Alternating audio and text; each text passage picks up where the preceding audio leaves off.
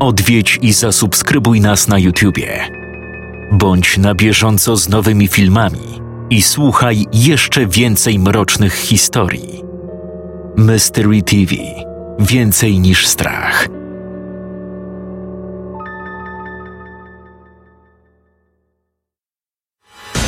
W ósmej edycji Creepy Wyzwania bierze udział 16 autorów, którzy zostali podzieleni na cztery grupy. Po prezentacji opowiadań z danej grupy odbędzie się głosowanie, które wyłoni autorów przechodzących do kolejnego etapu. W tym miesiącu prezentujemy opowiadania grupy C. Zapraszam do wysłuchania historii autorstwa Tomasza Jarugi na podstawie pomysłu Dominiki Niemiec.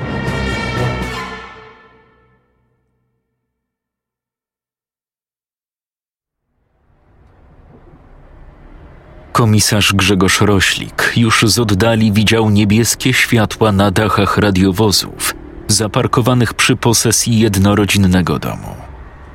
Wiedząc, co się wydarzyło, miał mieszane uczucia.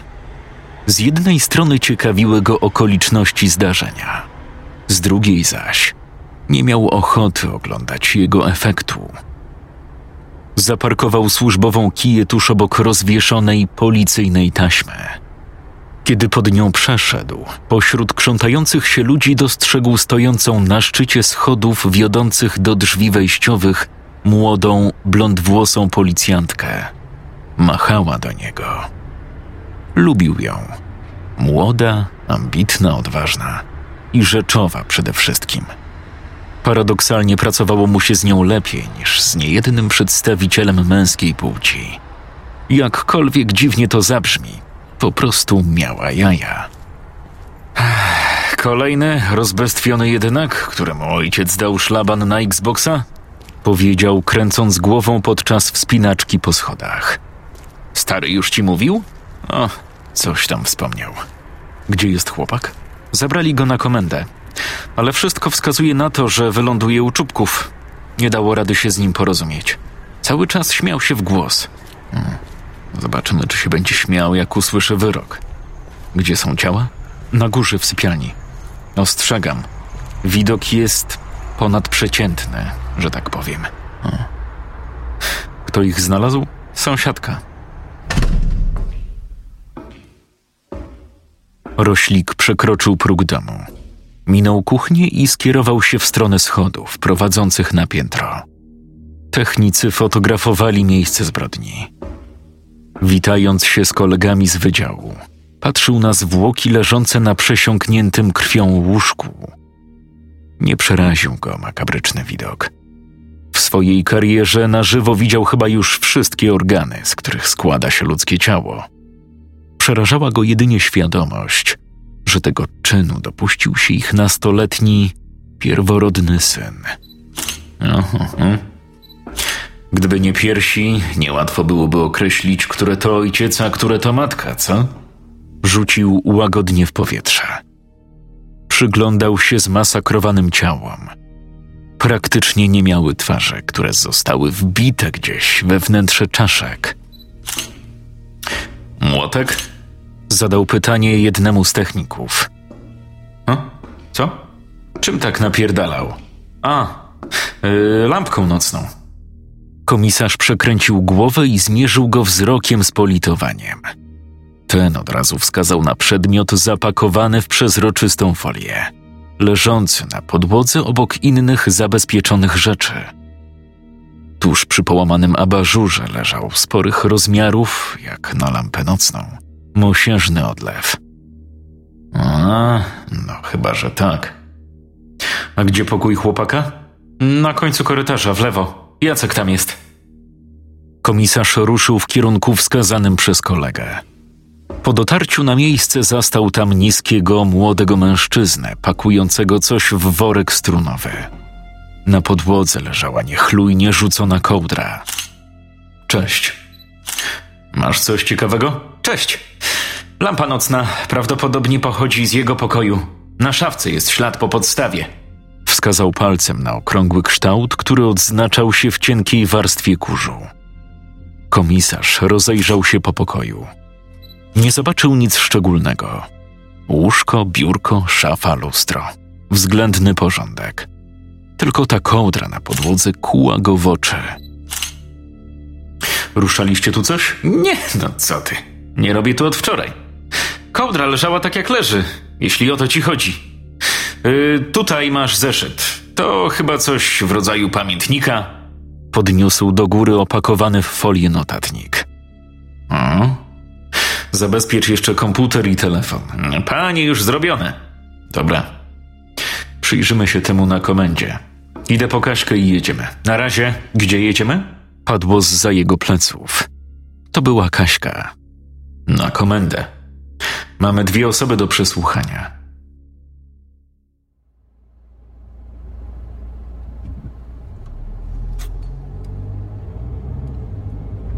Ruszyli w kierunku komisariatu. Sprawa z pozoru wydawała się być prosta. Wszystkie dowody wskazywały na to, że chłopak zamordował swoich rodziców. Formalnością było zdjęcie odcisków palców z lampy. Roślik był więc tego dnia wyjątkowo spokojny.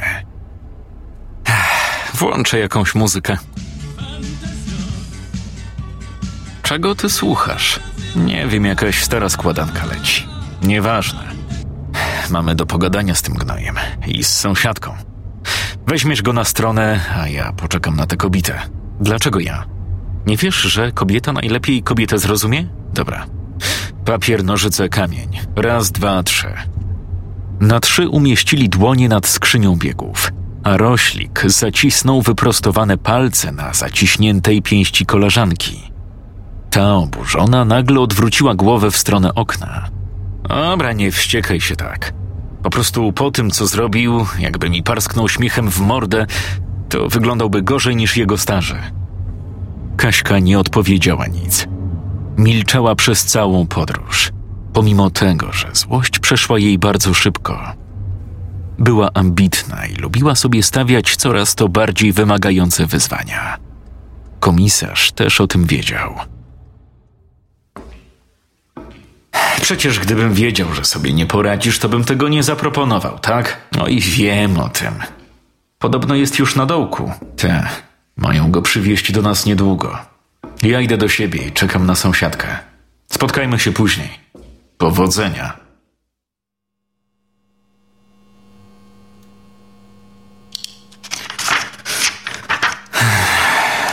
Dobrze. Pani godność?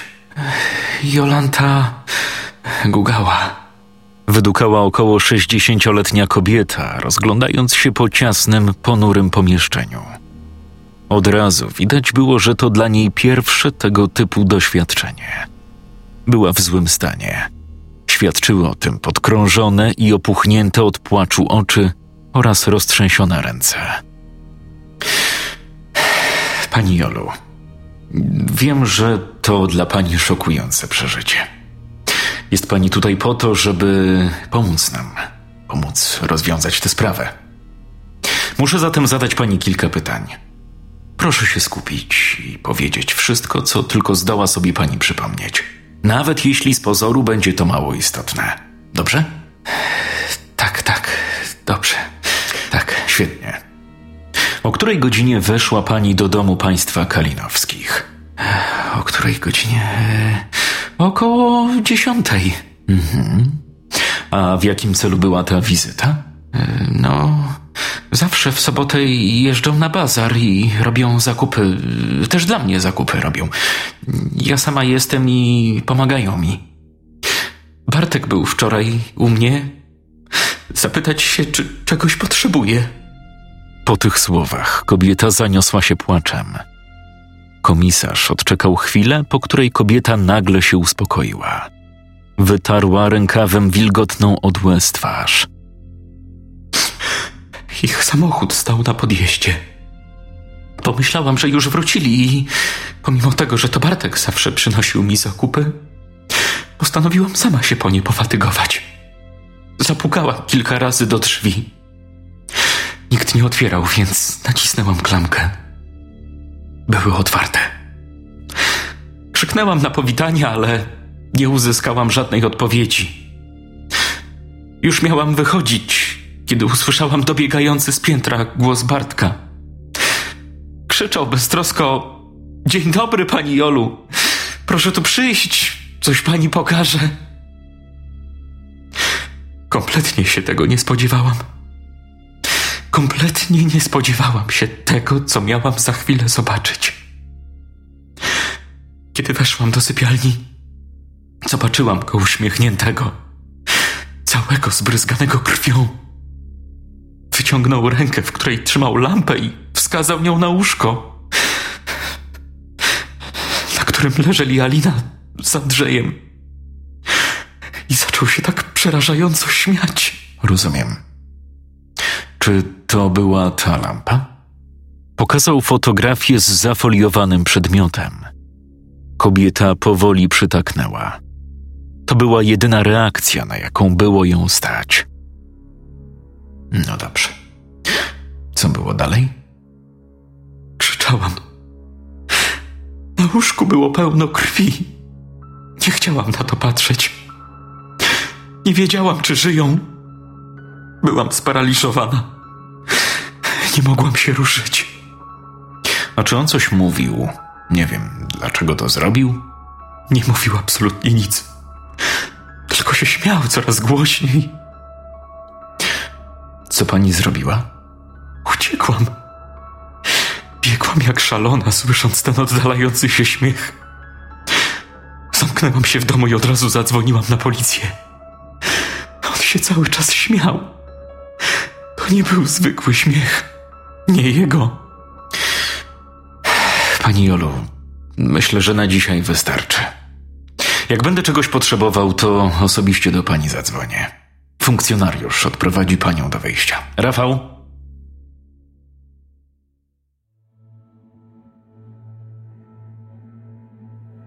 W piątkowy wieczór na komisariacie było wyjątkowo spokojnie. Patrole ruszyły w miasto, a korytarz komendy świecił pustkami. Jak tam? Dowiedziałeś się czegoś? Zapytała Kaśka z zainteresowaniem. E, tyle co nic. A ty? W ogóle nie było rozmowy. Dobrze, że jednak z nimi nie rozmawiałeś, bo sama miałam ochotę pierdolnąć go w ryj. Trzeba było go piznąć pałące dwa razy. Założyć kaski i zwalić na samo uszkodzenie. Spokojnie. Wszystkiego się nauczysz. No a co z nim? Pojechał na przymiarkę kaftana. Może zaprzyjaźni się z kolegą saperskim? No nie bardzo. Spędził tam tylko jedną noc. Jak to? Przecież ewidentnie bredził przez całe przesłuchanie. Tej lawejanki do tej pory nie odnaleziono. To nie była członkini kościoła lawejańskiego. Oni nie mordują, nie mają żadnych kapłanów. To bardziej nurt filozoficzny, ale teraz nie o tym. Arkadiusza Saperskiego znaleziono następnego dnia. Dzień wcześniej był przypięty za wszystkie kończyny do łóżka i to się zgadzało z tym, że te oddzielone były od tułowia. Nie pytaj, co o tym sądzę, bo sam nie wiem. Nie powiedziałem ci o tym, żebyś nie pytała. Sprawa chłopaka też wydaje mi się dziwna. Nagle oszalał? Był u niej wczoraj. Zapytać, czego potrzebuje z bazaru, a następnie poszedł zarąbać rodziców? Trzeba zrobić wywiad w szkole. Już robią. Mam jakieś jego zapiski. Idę poczytać. Jak chcesz, to możesz lecieć. Jutro weźmiemy się za robotę. Chyba żartujesz. Idę zrobić kawę. Tylko nie czytaj beze mnie.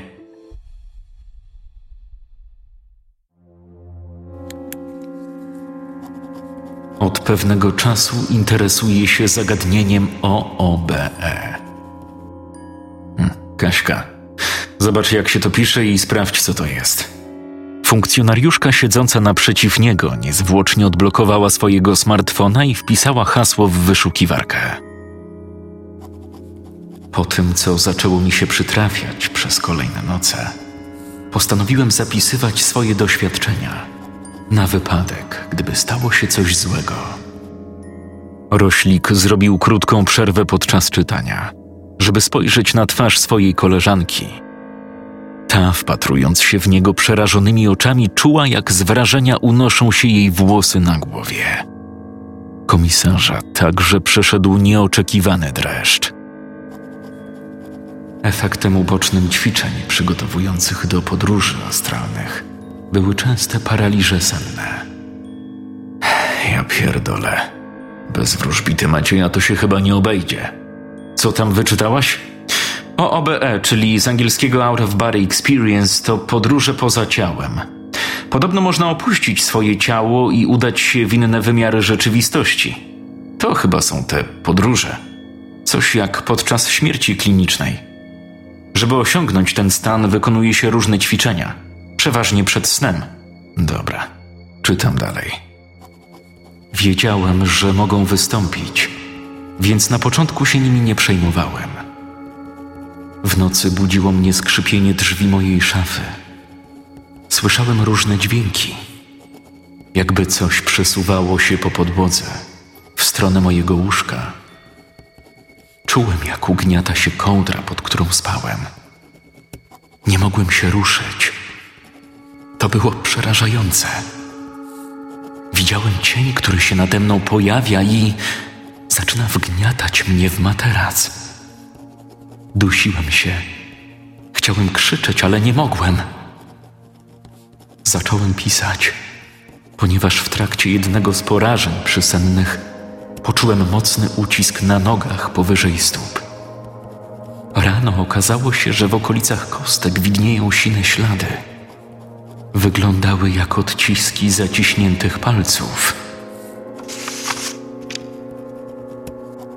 Dzisiejszej nocy to coś przyszło znowu. Nocy obudził mnie włączony telewizor. Nie mogłem się ruszyć. Kątem oka widziałem, że obraz śnieżył.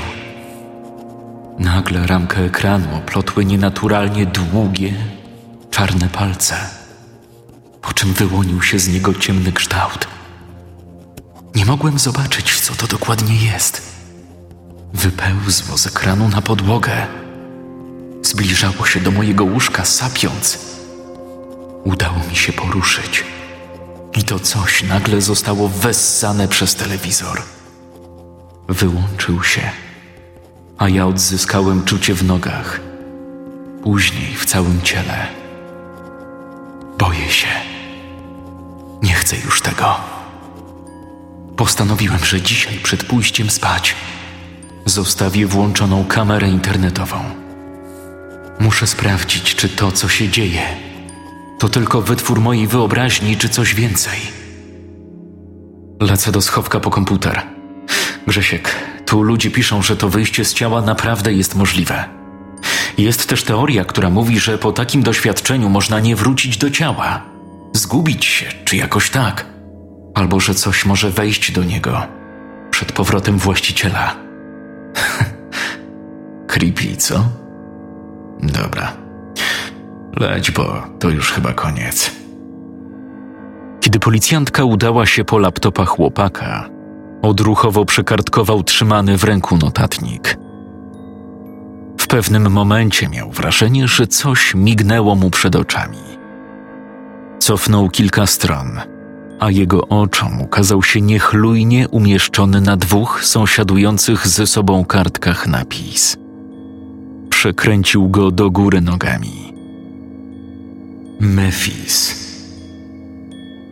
Kaśka weszła z urządzeniem do pokoju. Postawiła komputer na biurku i usiadła obok komisarza. Po zalogowaniu do systemu otworzyła galerię, w której zapisany był blisko 13-godzinny plik wideo.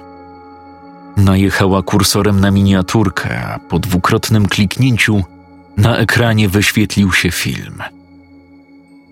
Zaczęło się od tego, że chłopak ustawił komputer na biurku tak, żeby kamera obejmowała jego łóżko, po czym zgasił światło w pokoju i się położył. Jedynym źródłem światła w pomieszczeniu była lampka nocna stojąca na szafce przy łóżku. Roślik od razu rozpoznał w niej narzędzie zbrodni. Przyćmiona abażurem rzucała delikatną poświatę na posłanie. Przez kilkanaście minut chłopak przekręcał się z boku na bok, by w końcu spocząć w bezruchu, w pozycji na wznak. Długo nic się nie działo. Zniecierpliwiony policjant zaczął przemieszczać kursor po osi czasu, mniej więcej w pięciominutowych skokach. Po jednym z nich obraz zniknął. Funkcjonariusze spojrzeli na siebie pytająco. Dobra, z powrotem. Roślik cofnął nagranie, na którym chłopak znowu leżał na łóżku. W pewnym momencie usłyszeli skrzypienie otwierającej się szafy. Potem odgłos szurania po podłodze. Kaśka odruchowo chwyciła kolegę za ramię. Nagle kołdra, którą przykryty był chłopak, zaczęła się z niego zsuwać. Ciało chłopaka poruszyło się. Następnie powoli zaczęło przemieszczać się w dół łóżka. Wszystko widzieli z bocznej perspektywy. Nie było widać nic poza łóżkiem. Połowa ciała nastolatka była już poza nim. W momencie, kiedy jego głowa zniknęła z pola widzenia, usłyszeli głuche tąpnięcie jego ciała o podłogę. Jezu. Przez kilka chwil wpatrywali się bez słowa w monitor. Pomieszczenie komendy wypełnił paniczny krzyk kobiety, kiedy spod biurka na nagraniu wyłoniła się głowa chłopaka. Szczerzył zęby i wpatrywał się w obiektyw szaleńczym wzrokiem. Odwrócił się i skierował w stronę szafki nocnej. Szedł powoli, nieskoordynowanie. Wyglądało na to, że pisał czymś po blacie. Komisarz wskazał na otwarty notes z tajemniczym napisem. Chłopak chwycił lampkę i skierował się do wyjścia z pokoju. Przewód zasilający napinał się coraz bardziej, aż w końcu wtyczka wyskoczyła z gniazdka i zapadła ciemność. Słyszeli tylko jego powolne, oddalające się kroki. Kiedy ucichły z głośników, wydobył się odgłos uderzenia. Po nim następny i kolejny. Następnie usłyszeli krzyk matki, jakby urwany w połowie. Komisarz liczył następujące po nim odgłosy uderzeń. Po trzydziestym skończył liczyć. Trwało to dobre kilka minut. Potem zapadła cisza. Ta na nagraniu trwała kilka godzin. Zrobiło się jasno. Nagraniu chwyciło ranną wizytę sąsiadki, jej krzyk. Wszystko zgadzało się z jej zeznaniami. Roślik przesunął suwak pod filmem bliżej końca, gdzie zarejestrowana była praca technika. Co myślisz? Nie wiem. Na pewno zrezygnuje z szafy w sypialni. Jeśli to nie on, to gdzie teraz jest? Roślik w skupieniu wpatrywał się w monitor i bez słowa wskazał palcem na lustro znajdujące się na jednej ze ścian. W jego odbiciu, obok wykonującego swoją pracę technika, dało się zauważyć niewyraźną, stojącą w bezruchu sylwetkę.